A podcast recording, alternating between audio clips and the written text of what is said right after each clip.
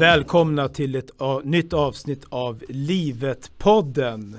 Och det blir ett lite speciellt avsnitt denna gång. Och det beror bland annat på att min kollega Emmy Mikaelsson har blivit mamma till ett, eh, en välskapt liten flicka. Och hon är nu hemma och tar hand om det lilla livet. Så varma gratulationer från oss alla till mamma Emmy. Eh, vi hade tänkt eh, ha med en gäst idag och eh, gästen är här så att jag, Rickard Sörman, kommer att prata ensam tillsammans med Marina Nikolic Viksten. Välkommen Marina! Tack så mycket Rickard!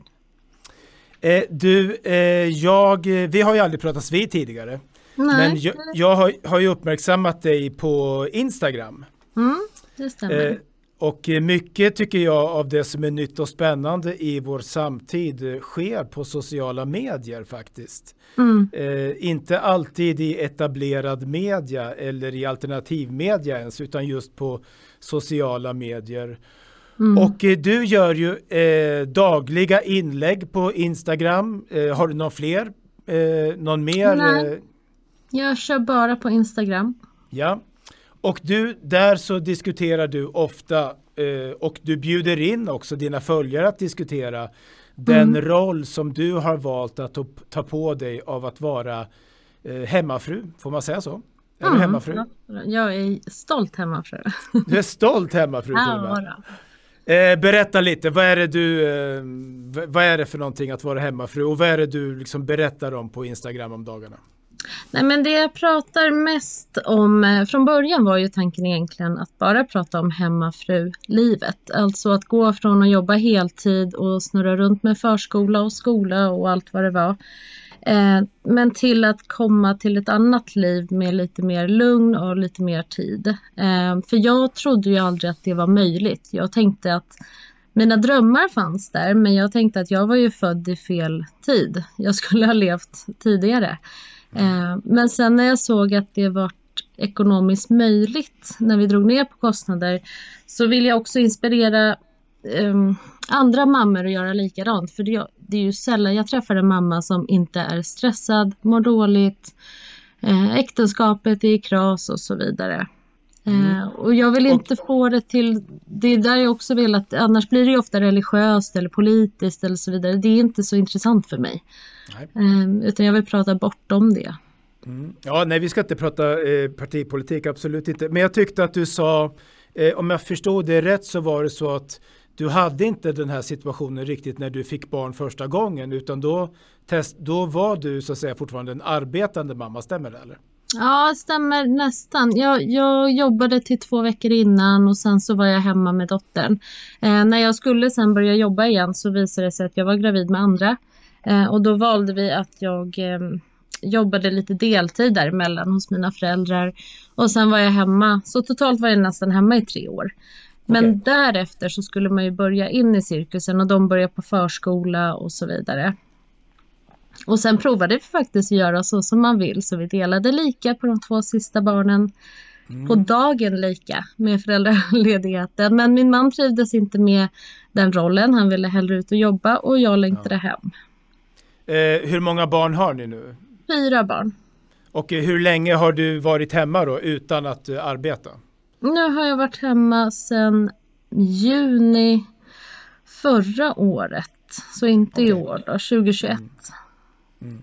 Eh, du, du nämnde ju här eh, det här med att ni gick ner i levnadskostnader helt enkelt. Mm. Stämmer det? Eller hur? Ja, vi gick ner jättemycket och egentligen på saker som ja, men säg en leasingbil som vi betalar 7000 för. Sen kollar vi matkostnaderna. Vi började egentligen räkna hur mycket vi faktiskt la ut och då la vi ut 15 000 i månaden. Genom att minska det till 8 då har du redan sparat upp 14 000. Eh, ja. Och min lön som jag fick ut den låg på 20 000. Sen är det ja. dagskostnader och det är ingen bensin, parkering på jobbet. Det går lätt. Det gick lätt för oss att ändå kapa det. När man eh, väl började inse. Ja, eh, lätt. Hur, om, vi, om vi tar en av allt det där, matkostnader till exempel. Kan du mm. beskriva lite hur, du, hur ni fick ner det så radikalt? Då? Vi började planera. Eh, vi förut så handlade vi när vi hade tid. Jag gick oftast av mitt pass på morgonen eftersom jag jobbade dygnspass. Eh, hade ingen koll på vad som fanns hemma, gick till affären, köpte det jag trodde vi behövde. Det fanns ingen grundtanke med det för ingen av oss hade ju tid. Man behöver egentligen tid för att kunna spara pengar. Mm. Nu kan jag baka allting själv. Jag kan göra, laga mat från grunden själv. Um, och det kunde man inte då. Det är omöjligt för kvinnor att hinna med det när de samtidigt ska jobba 100 procent. Samtidigt som de kommer vilja ta det ansvaret, vare sig man försöker att göra 50-50 eller inte. Nej. Eh, du, det här med eh, om vi säger så här, har du mött några liksom starka reaktioner? För du, vad du gör det är på något sätt att du påvisar ju, eller försöker lyfta fram kanske vi ska säga, de fördelar som du och din familj upplever med att en av er stannar hemma. Mm. Har du fått några negativa reaktioner, typ från feminister eller från andra personer? Um, mindre än vad jag trodde på Instagram. Jag hade okay. nog förväntat mig mycket mer. Um, i vanligt så är det mer, mer, att många män tycker det verkar vara, om jag träffar bekanta eller eh, så vidare, de tycker det verkar vara en smidig lösning på det hela. Att en är hemma, man slipper ju all vabb och så vidare. Eh, Medan vissa kvinnor blir lite mer skeptiska. Att men gud, hur, har du inte tråkigt hemma? Ska du bara laga mat och städa varje dag? Eh, har du fastnat i kvinnofällan? Mm. Och så vidare. Eh, det där är hela min lista av frågor som jag ska ställa till dig sen. Ah, bra, Nej men eh, tröttnar du på att vara hemma? Är det tråkigt? Nej gud, oh, man har så mycket att göra och på något sätt mm. känner man att du vet när man jobbade förut och man kunde ha någon fantasi att eh, senare då ska jag någon gång göra det här och någon gång ska jag ta tag i den här hobbyn ja. som jag har. Eh, men nu har jag ju tiden för det. Jag kan ju planera mina dagar. Jag äger min tid.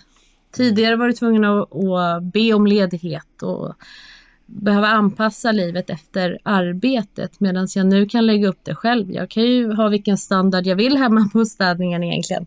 Ja, om jag vill prioritera något annat. Så dagarna är så... Dels är det ju rutiner men sen kan det också bli vad man gör det till. Mm. Om jag bara sitter hemma och kollar på tv med ungen hela dagarna, då blir det tråkigt.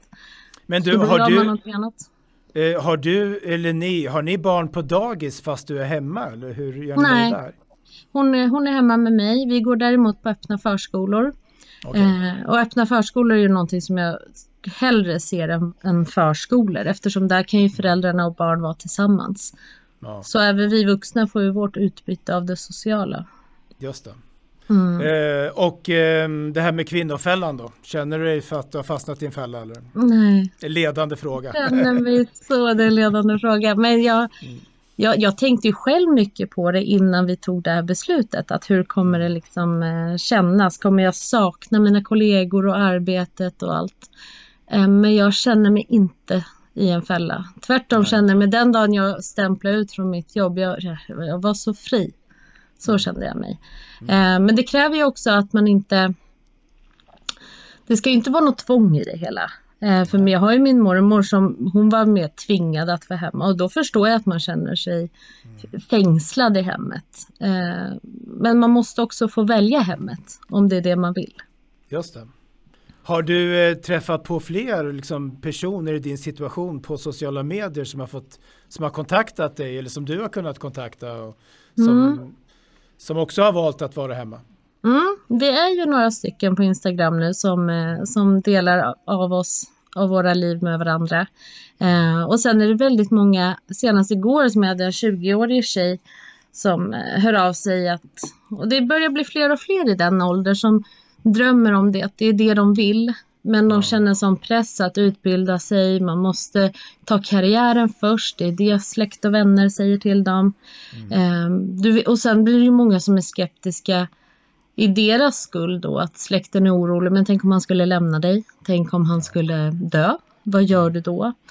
Eh, och det är också saker viktiga att ta upp när man planerar. Vi har gjort en sån plan. Vad, vad händer om vi nu hamnar i en situation när vi vill separera någon av oss? Mm. Hur ska vi värdera mitt hemmajobb i alla år mot hans ekonomiska? Om någon av oss går bort, hur ser försäkringarna ut? Skulle vi klara av det och leva kvar? Eh, jag tycker det är viktigt man måste ha en, en liten krisplan Eh, Ja, men man kan heller inte tänka för långt på det. Man kan Nej. inte leva i krisplanen. Liksom. Nej. Sen kan man väl tänka sig att jag sitter och tänker när du pratar att, eh, Mm. eh, att man kan ju tänka sig att man som ung människa, man utbildar sig, man skaffar en utbildning och Mm. under, de, under de åren tills man är 25 år så kanske man inte har hittat någon partner man vill skaffa familj med. Mm. Utan man kan ju ha en utbildning i botten. Sen blir, kommer man i de där åren när man känner att det börjar bli dags mellan 25 och 35 Mm. och då kan man ju ta 10 år hemma och sen har man i alla fall kvar sin utbildning och de år man har hunnit arbeta. Mm. Eller vad tänker du om Ja, det? men absolut, så är det ju. Mm. För om man tänker livet som en enmeters eh, linjal så barnen är ju små, bara cirka två decimeter. Resten av livet så har vi ju kvar. Mm. Eh, vi behöver ju inte ha allting de här åren när barnen är små. Vi kan ju Nej. också drömma, jag och min man, om att ha ett eh, poolbad här ute och åka på utlandsresor och sånt. Men vi kanske inte måste göra det nu. Vi kanske kan Nej. göra det om tio år. Mm. När vi har lite större frihet och han kanske har vuxit i sin karriär och så vidare. För det som jag själv, jag har ju haft småbarn, tre stycken, eh, som Mm. är stor, stora nu och familj och sådär. Det som jag själv då mest kan relatera till, och det gäller ju både män och kvinnor, men i realiteten om vi ska vara ärliga, mest kvinnor eftersom de ofta tar ett större ansvar hemma. Så Mm. är det så att de där åren som man har småbarn och gör karriär kanske, de är ju egentligen helt omänskliga för många människor. Och, och, och många ställer ju sådana oerhörda krav också på sig själva.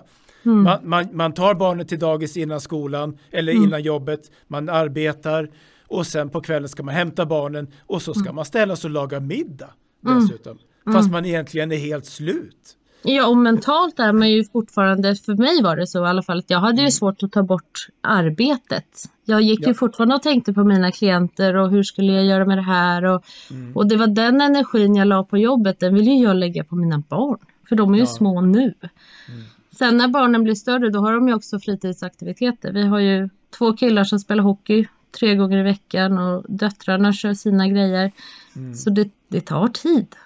Just det. Så ni har tonåringar då, eller hur gamla är de stora? De är 11, 9, Okej. eh, 6 och vad är de nu? 4. Okej.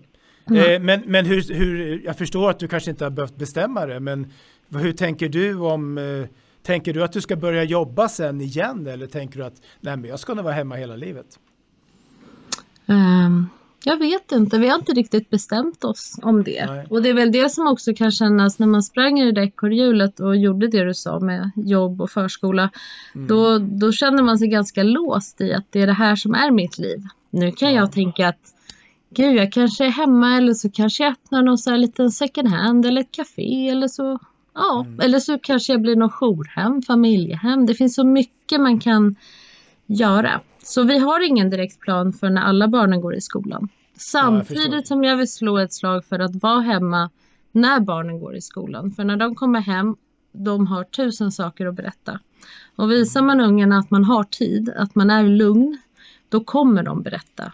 Men de känner av det där. De känner om du är stressad och helst vill att de bara gör sina grejer på sitt rum för att du vill koncentrera på att göra middag eller är upptagen med jobb och så vidare.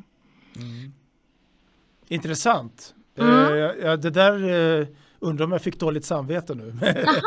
jag vet inte riktigt. Det var som att det slog an. Ja, det, bra. sl det slog an någonting det där. Ja, Ut, det- utveckla det där lite grann. Hur kan det där gå till i praktiken? Vad menar du för någonting? Nej, men när de kommer hem från skolan så har jag förberett en, eh, ett mellanmål eh, av något slag. Eh, fredagar får de en fredagstallrik, det är det bästa de vet.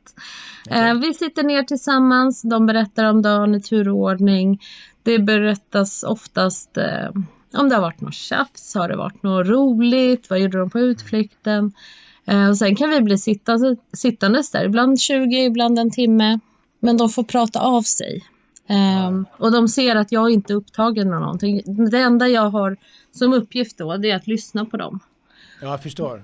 Mm, Ja, det, där, nu, det där känner jag igen för att jag vet att jag, eh, jag kommer inte ihåg min mellan, mitt mellanbarn, där, min dotter, hur gammal hon var.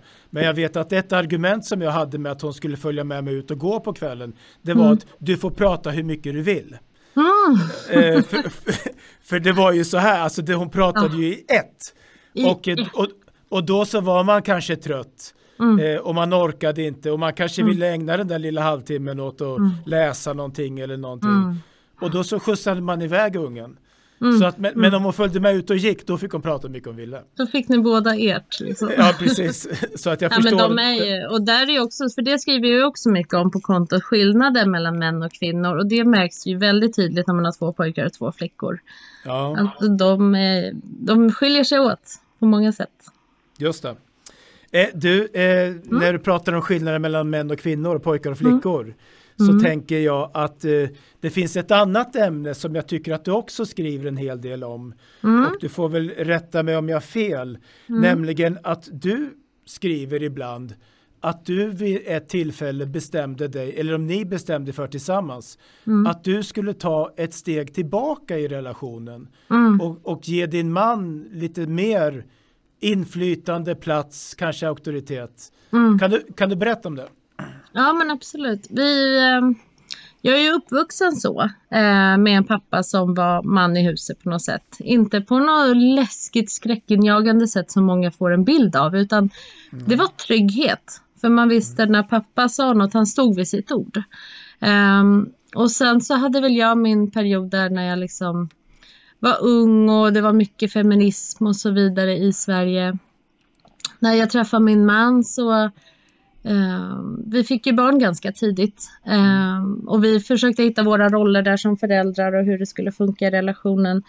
Ehm, sen hade vi en kris i vårt äktenskap på grund av flera dödsfall i familjen där vi inte kunde ha en tillräckligt bra kommunikation. Efter det, när vi började, för vi har aldrig haft ett alternativ att vi lämnar. Det, det, var krisigt men det fanns inte på kartan.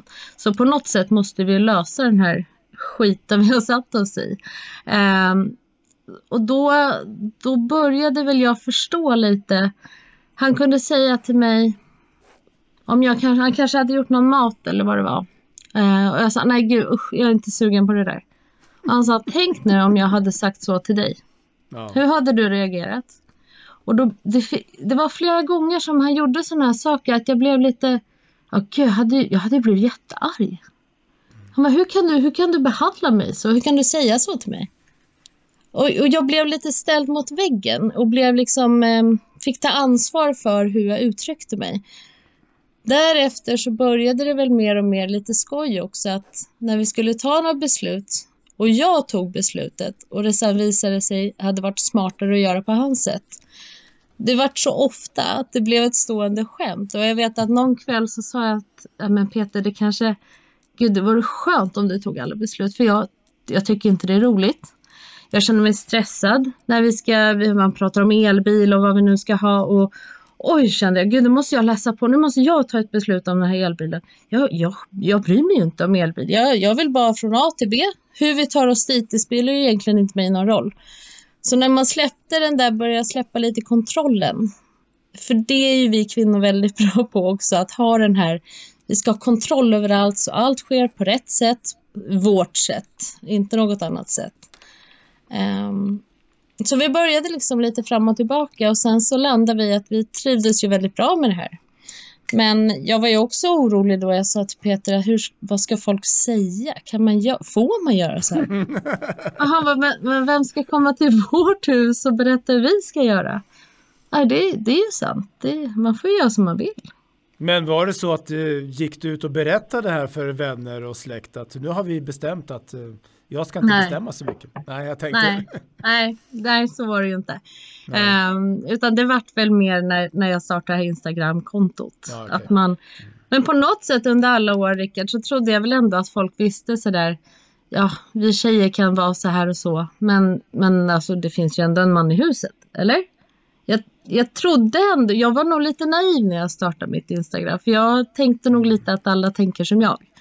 Ja, Ja, för jag vet eh, inte om jag... Ja, jag nej.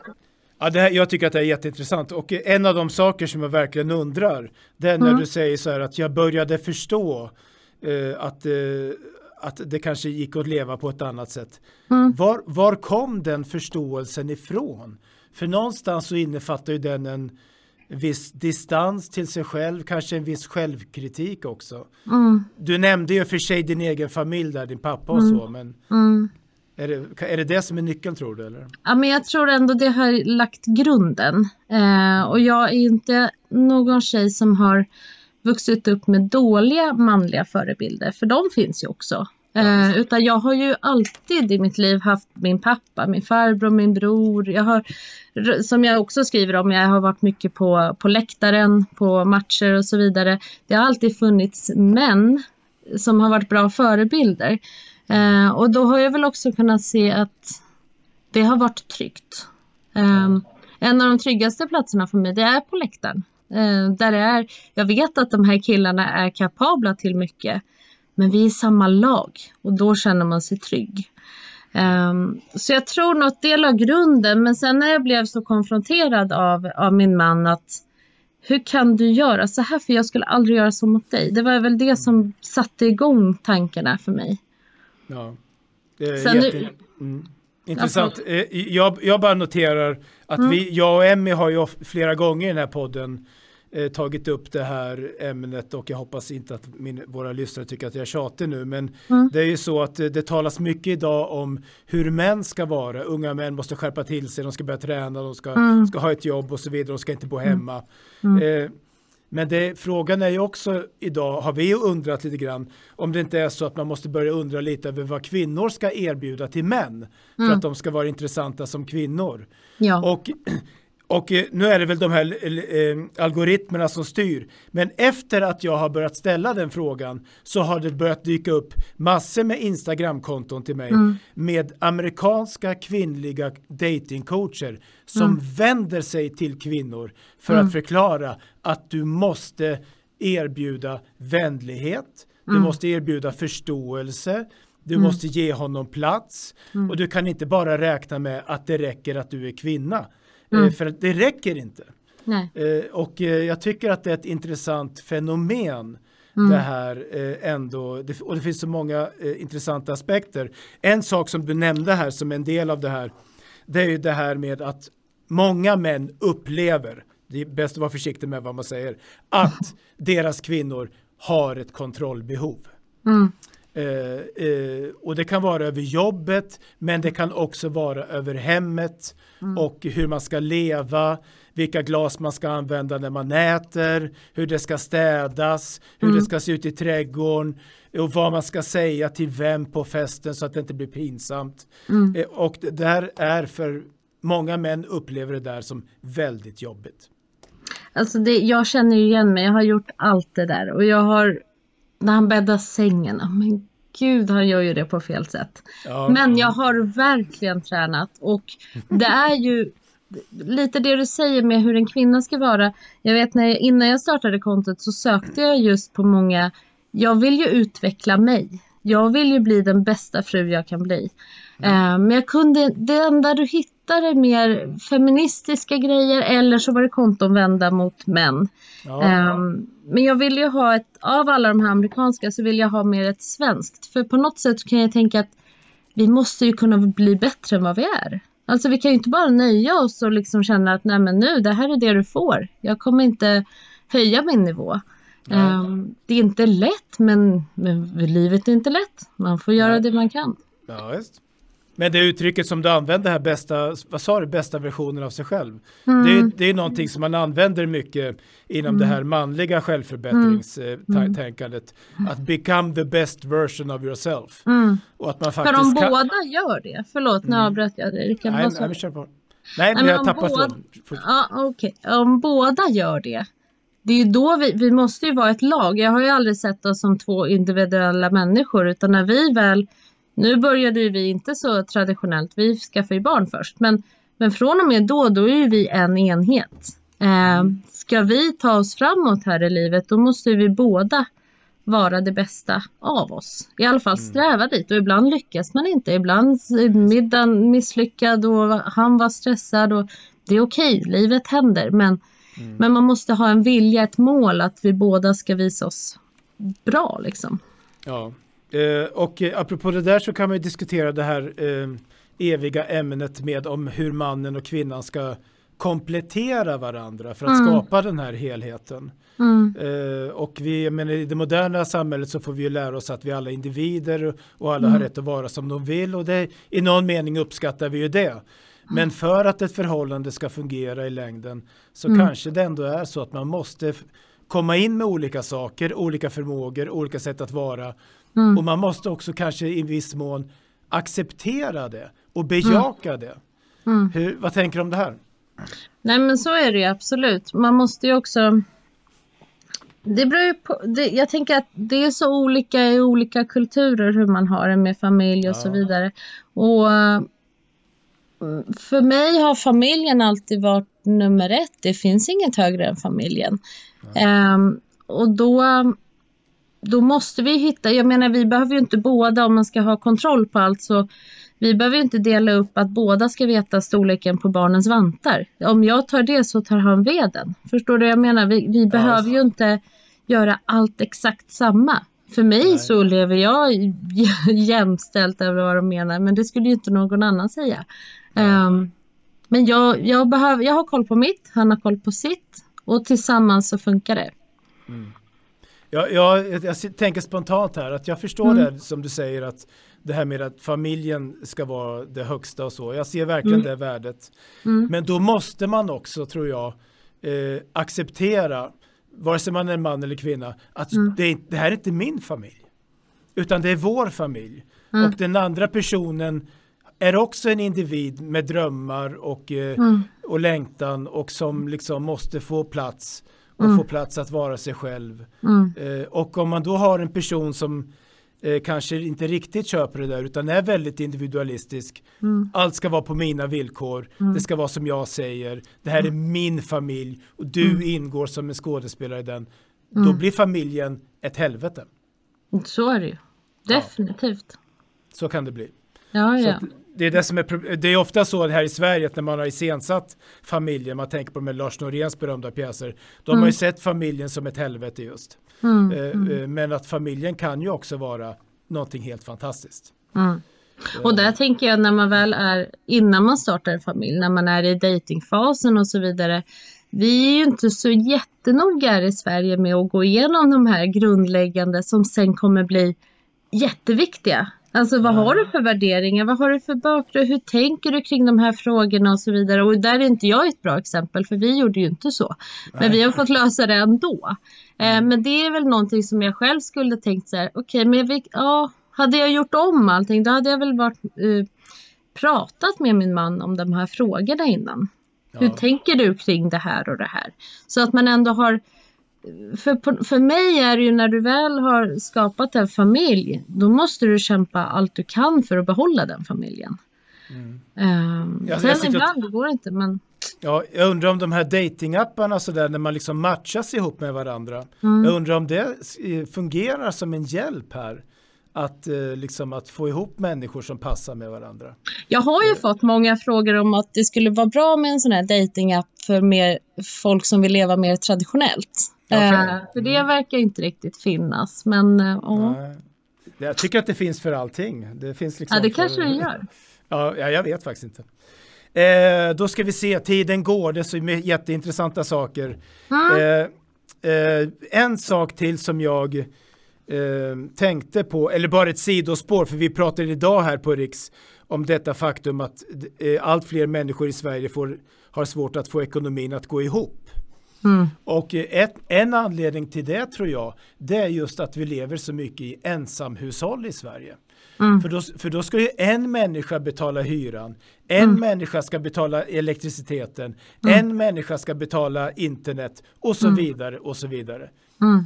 Medan man i andra kulturer, kanske i södra Europa redan, Mm. är helt inställd på att vi är en familj. Mm. Och, och vi hjälper varandra. Och då Ja. har man just också råd att vara Ja. hemma till och med. Ja, ja, så är det ju verkligen.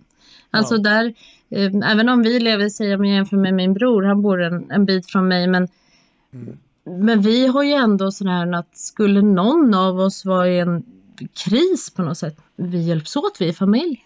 Alltså Ja. det finns ingen mitt och ditt utan en dag kanske du behöver det men om fem år kanske jag behöver någonting annat. Man Ja. måste ju på något sätt hålla ihop man måste skapa sig en liten flock, brukar jag säga. Alltså familjen Ja. behöver, vi behöver mer än bara en mamma och en pappa. Vi, det är jättebra om det finns mormor, morfar, farmor, farfar, syskon. En liten flock runt sig som man ändå känner att man kan förlita sig på. Men då gäller det också att ställa upp när de behöver. Man kan inte Ja. bara kräva in när man själv behöver något. Du, eh, vi ska avsluta snart. Eh, Mm. Vi kanske får tillfälle att pratas vid igen. Det var jätteintressant. Vad kul. Så ska vi hö- höra vad nyblivna mamman Emmy säger, eh, har att säga Ja, också. Men du, bara en, en enda sak som jag sitter och tänker på, om vi ska bli lite psykologiska och spekulera lite. Jag, jag undrar om det här positiva tänkandet som du ändå på något sätt måste anamma när det gäller mäns möjligheter att ta ansvar och spela en roll i familjen. Om inte det förutsätter eller det underlättar att man själv har haft en välfungerande pappa. Och en, Ja. en, en positiv fadersbild. Liksom. Ja. Ja. Vad, tror, vad tror du om det? Ja, men jag tror att en fadersfigur är viktig både egentligen för pojkar och män. Eh, förlåt, pojkar och flickor. Eh. Om flickorna saknar då har de ju inte någon... Eh, man brukar ju säga att man, man, eh, man väljer en man som är lik sin far. Jag har hört något citat utifrån det.